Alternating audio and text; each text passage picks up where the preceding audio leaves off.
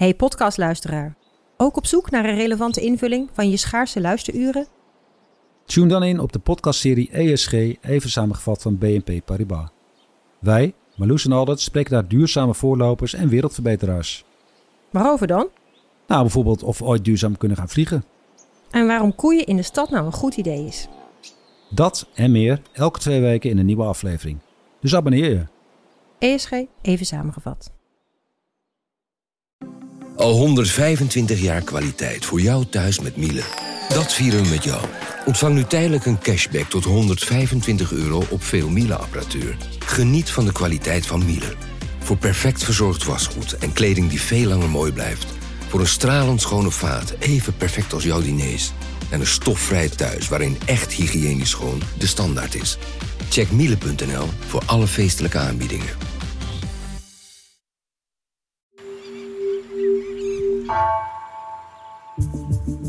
Vanaf de redactie van NRC het verhaal van vandaag.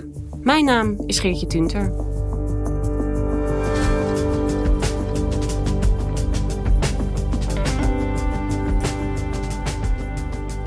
Deze week zou in het Rijksmuseum een lang verwachte tentoonstelling over slavernij openen.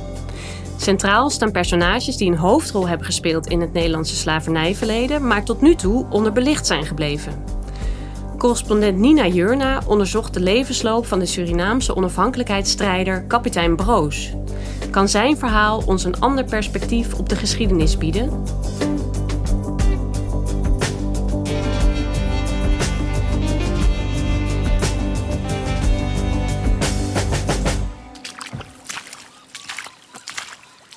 Ik loop nu uh, door een moerasgebied. En um, ik uh, probeer met laarzen aan door waterplanten te komen. En ik kijk hier naar een, uh, ja, een gebied dat half onder water staat. Planten die zijn zo half in het water en half boven het water. Ja, en dit is dus het beroemde Cayman grassi. Nina, we horen jou hier door een moeras lopen. Uh, jij bent dus in Suriname. Wat deed je daar? Ja, ik ben inderdaad in Suriname. Ik ben nu in Paramaribo. Um, het is regentijd, dus af en toe zal je een regenbui horen. Uh, dan is vijf minuten later de zon weer en hoor je de vogels. Maar ik ben in Suriname en ik ben naar het moeras getrokken... waar zich een, ja, een heel bijzonder verhaal afspeelt... wat mij altijd heeft uh, geïntrigeerd. Namelijk het verhaal van kapitein Broos en uh, de Brooskampers... Um, strijders die zich uh, lange tijd in dat uh, moerasgebied hebben opgehouden. Ik merk als ik nu al loop, ik zelf ook al steeds verder wegzak. Het is hele zachte ondergrond. Het, ja, het glijdt echt naar beneden. Uh, het waren weggelopen slaven die rondom het moeras een, een eigen fort hadden. Een, een, een wegloperskamp, zeg maar. En ik ben naar de plek gegaan waar zij in die omgeving um, zich uh, in de 18e en 19e eeuw ophielden. En op de vlucht waren om niet opgepakt te worden door de Nederlandse kolonisten die met een expeditieleger in die tijd achter de weggelopen slaven aangingen, de Marons.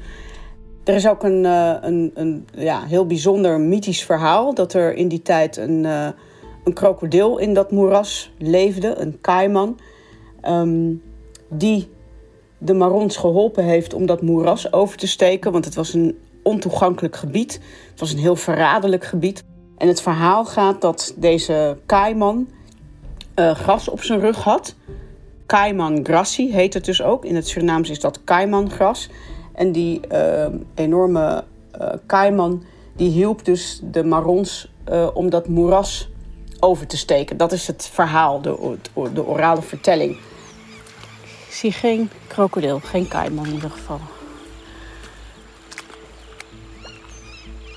Het is wel een beetje onwerkelijk om hier te staan. Zeker omdat je ook al die ja, spirituele verhalen over het gebied hoort. De leider van deze groep Marons was uh, kapitein Broos. En ik ben naar dat gebied toegegaan om de, niet alleen de sfeer te voelen van dat moeras, maar ook echt op onderzoek te gaan wat het verhaal achter deze groep en achter kapitein Broos was.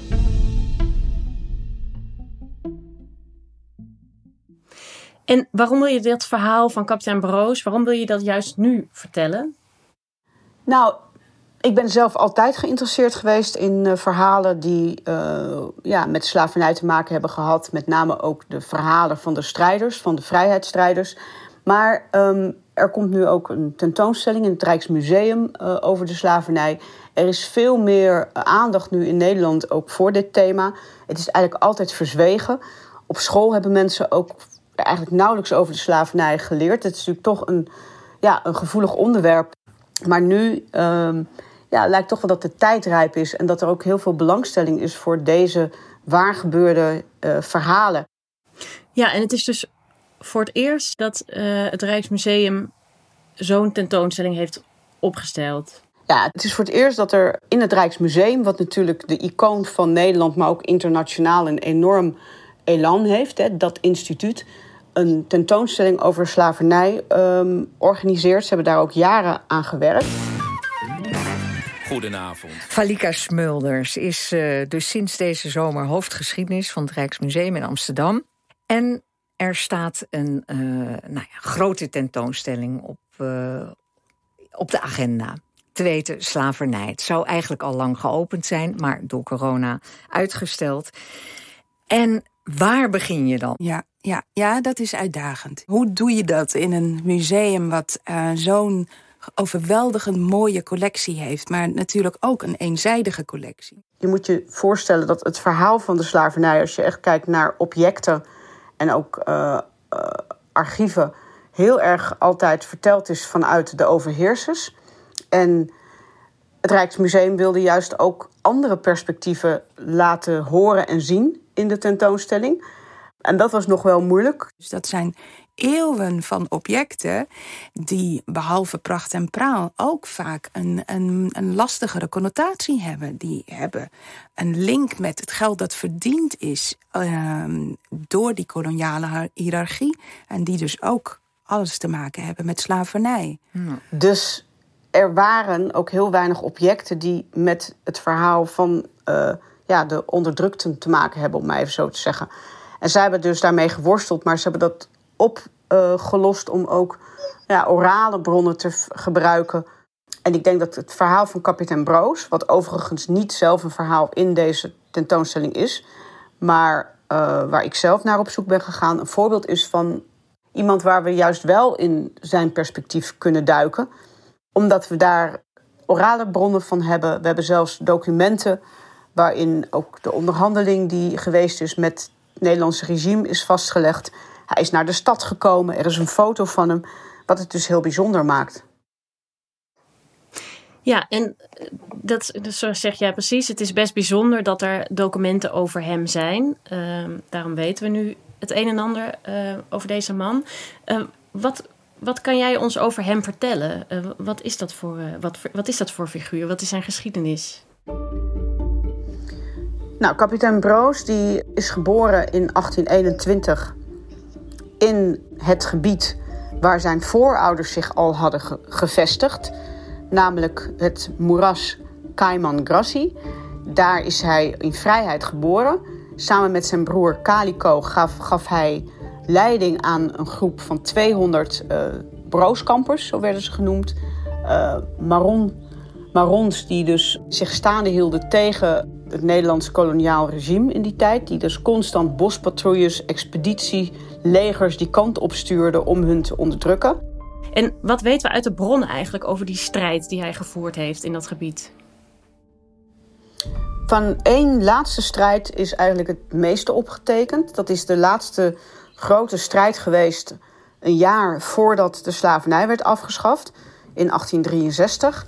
Je moet je voorstellen dat voor het, over, voor het koloniale overheid belangrijk was om deze laatste Marongroep, de Brooskampers, waar, waar Broos uh, de leider van was, om die uh, eronder te krijgen, omdat ze bang waren dat deze groep toch nog aanvallen zou uh, uitvoeren op plantages. Dus er is nog één grote expeditie naar dat gebied toegegaan in 1862. Nou, dat enorme expeditieleger, 70 man, is naar dat moeras gegaan. Ze hadden ook dragers bij zich die die kanonnen meenamen en kappers die het bos wegkapten. En ehm, ze zijn daar op 3 november aangekomen, 1862. Hebben, zijn daar tot 9 november gebleven. Constant aanvallen uitgevoerd op dat fort van die brooskampers. En ook hebben ze geprobeerd om dat moeras over te steken. Nou, dat is nooit gelukt. Sterker nog, het is ook nooit gelukt om het kamp, het werkelijke kamp van uh, de brooskampers, echt te vinden en te vernietigen, wat het doel was. En uiteindelijk is kapitein Broos zelf naar Paramaribo gekomen, keurig gekleed. Daar is dus een foto toen gemaakt. Is hij naar het uh, gouvernementspaleis gegaan heeft daar onderhandeld. En uiteindelijk is er dus een vredesakkoord gekomen tussen het Nederlands regime en kapitein Broos. Heeft de groep twee plantages toegewezen gekregen aan de Suriname-rivier, waar ze zich zijn gaan vestigen. Dus uiteindelijk, um, ja, in de, in de orale geschiedenis, wordt kapitein Broos eigenlijk als winnaar gezien, ook van, uiteindelijk van de strijd. En hij is nooit overmeesterd, het kamp is nooit gevonden. En hij is uiteindelijk, uh, hij en zijn mensen zijn sterk uit deze strijd gekomen en hebben dus uh, grond toegewezen gekregen. Ja, dus zij konden dat moeras eindelijk verruilen voor die grond. En wonen zijn nazaten, wonen die daar nog steeds? Ja, ik heb de nazaten gesproken. Ik ben naar de plantage gegaan, plantage Rorak. Dat is dus een van de plantages die destijds toegewezen is aan Broos en zijn mensen. Dit is het, het bord waar eigenlijk de informatie op staat van wie deze plantage is, hè? De nazaten. Ja, klopt. En uh, het is geplaatst. En, uh, en daar heb ik gesproken met Ronald Babel. Dat is een, een nazaat van Broos. En ik heb met Conrad Acton gesproken. Dat is het neefje van, van Ronald. Ja, mijn naam is Conrad Acton. En, en um, sommige mensen die vallen van mijn Actania inderdaad. Mijn moeder is Carla Schet, haar vader was Hendrik Adriaan Babel. En zo komen we verder. Hendrik Adriaan Babel, zoon van Willem Babel. En Doortje Margriet... Kapitein Broos is hun bedovergrootvader. En op dit moment zijn ze dus bezig om daar nieuw leven in te blazen. Ze verbouwen daar bananen, andere groentes. Hun droom is om daar ook een, een historisch, uh, eigenlijk een natuurhistorisch park te bouwen, waar ook de de geschiedenis van Broos en Calico en uh, de groep Brooskampers verteld wordt. En waar zij zelf altijd een plek hebben om naartoe te gaan. Vooralsnog een, uh, zijn we heel hard bezig. Erg, uh, erg mooie, goede discussies over hoe we die ontwikkeling hier op gang moeten brengen. Met natuurlijk behoud van onze geschiedenis. Onze orale gebruikelijkheden van onze voorouders, de bigismas. En dat is dus een hele bijzondere plek voor hen. Maar zij zeggen, dit is zo'n bijzondere plek, die willen we eigenlijk delen. Ja, kijk, aan de ene kant is het hun een bijzondere plek voor hunzelf... waar ook hun geschiedenis ligt en, en waar ze een thuis vinden. Maar zij zijn ook trots op de geschiedenis van hun voorouders... en willen dat verhaal ook vertellen. En wat is er mooier dan op de plek waar dit zich heeft afgespeeld... om daar ook te kunnen vertellen wat er gebeurd is... Um, Nina, jij hebt dus uitgebreid gesproken met familieleden, nazaten van uh, kapitein Broos. Hoe kijken zij naar zo'n tentoonstelling zoals die nu in het Rijksmuseum uh, is georganiseerd? Of misschien breder, hoe, hoe vinden zij dat wij naar die geschiedenis moeten kijken? Hoe we die moeten herdenken of tentoonstellen? Nou, wat mij opviel bij de familieleden, bij de nazaten, is dat zij, uh, en dat is logisch vanuit hun perspectief als afstammeling van een, een, grote strijder, dat zij ook daar uh, die nadruk op willen leggen. Kijk, uh, de erfenis van de slavernij is absoluut ook. ook hè, er zijn nog heel veel trauma's. De Surinaamse samenleving is nog doordrongen van die erfenis. Ook als het gaat om de verdeeldheid en, onderdrukking, die, die natuurlijk heel lang nog doorgegaan is. Maar er is ook altijd strijd geweest, dat zeiden ze ook tegen mij. Er is altijd verzet geweest tijdens uh, de 250-jarige periode dat er slavernij was in Suriname. Dus er is altijd strijd geweest en het is denk ik goed om ook daar de nadruk op te leggen. En dat is met dit verhaal van Broos natuurlijk een, een uitgelezen kans. En dat is ook wat deze nazaten uh, ook willen benadrukken. Je vertelde eerder al over de officiële documenten die van hem bewaard zijn gebleven. Maar hoe zit dat in de familie zelf? Hoe vertellen zij over zijn geschiedenis? Ja, nou ja, wat, wat in deze, eh, wat, wat heel bijzonder is. In de Surinaamse, in de Afro-Surinaamse uh, cultuur bestaat de um, Winti-religie. dat is een voorouderverering. Dat is door de slaven mee uit Afrika genomen. Je ziet dat eigenlijk in, in heel veel zwarte culturen in Latijns-Amerika. En in Suriname is dat de Winti. Wat ik begreep van uh, Ronald Babel, dus een van de nazaten waar ik mee heb gesproken, die vertelde dat er op dat moment tijdens zo'n Winti-pre een, uh, een van de oudste familieleden, een oude tante uh, van destijds al, al bijna richting de 90, dat zij trans raakte. Je zou niet verwachten dat iemand, dat heb ik hier meegemaakt bij die, in 2007, dat een oude vrouw van 80 zoveel was ze toen liep met echt stampvoeten zo, hè? Dus echt broebem. Uh, terwijl het een, uh, zij was heel slecht ter been, maar ineens kon ze hele grote stappen maken, stevige stappen. Sprak met een zware, rustige stem. Ja, en zij heeft toen de rituelen afgenomen, maar het was dus uh, bijna de vertegenwoordiger van Broos. Van Broos. En Ronald Babel vertelde mij: Ik ben er zeker van dat we het op dat moment ja, daar eh, bij, de, in, bij die familiebijeenkomst eigenlijk de vertegenwoordiging van Broos zagen. En dan zijn er liederen die zijn, um, waarin informatie zit. Eh, liederen die, die, die door de eeuwen heen zijn gezongen en zijn overgedragen.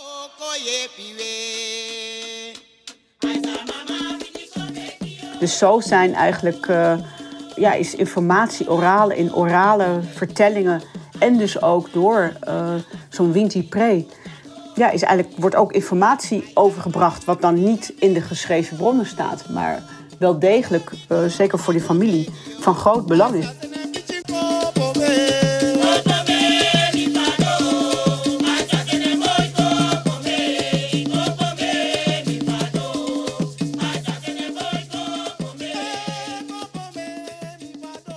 Zijn natuurlijk wel dingen waar wij in het Westen natuurlijk maar moeilijk mee om kunnen gaan. Hè? Dat, dat de ziel van kapitein Broos opeens in zo'n oud-tante verschijnt. Ja, als je daar vanuit een, uh, een, een, ja, een heel westers perspectief naar kijkt, uh, ja, dan wordt dat misschien niet als serieus genomen. Maar het is uh, absoluut gebeurd dat hier en, en is dat voor de mensen belangrijk. En komt daar dus ook informatie uit. En ja, je merkt wel dat in ieder geval orale bronnen ook in de westerse geschiedschrijving steeds belangrijker worden en dat er steeds meer ruimte voor is. Zeker als het gaat om slavernij, omdat, en dan komen we weer terug op het perspectief, dat perspectief altijd verteld is vanuit inderdaad de historische bronnen, die dan weer door de overheersers zijn opgesteld. En we daardoor natuurlijk een heel eendimensionaal beeld hebben. Laat je ook de orale verhalen toe. Ehm, en de liederen. En, en, dat heeft eigenlijk ook al. Dat, dat zien we ook straks in het uh, Rijksmuseum.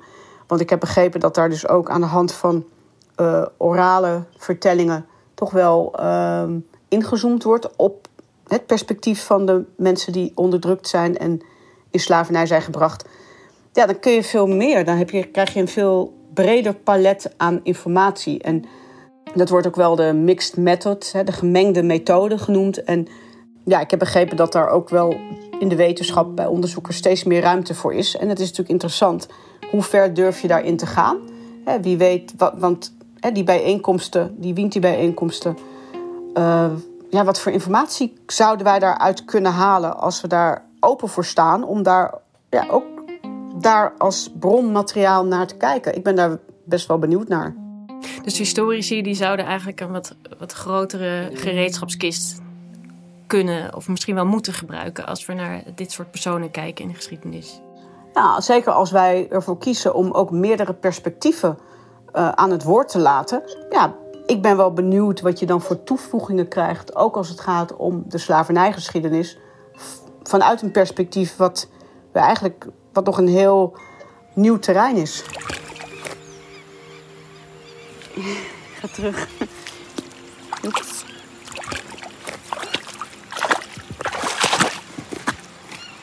Ja, ik ben weer. ben weer op uh, steviger gebied.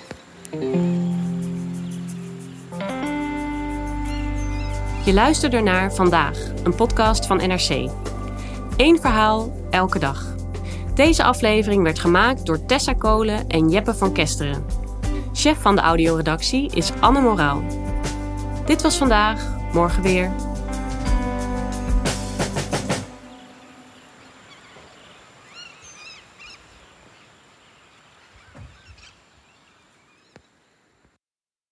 Technologie lijkt tegenwoordig het antwoord op iedere uitdaging. Bij PwC zien we dit anders. Als we de potentie van technologie willen benutten, kunnen we niet zonder een menselijk perspectief. Human-led, tech-powered noemen we dat. Ga naar pwc.nl.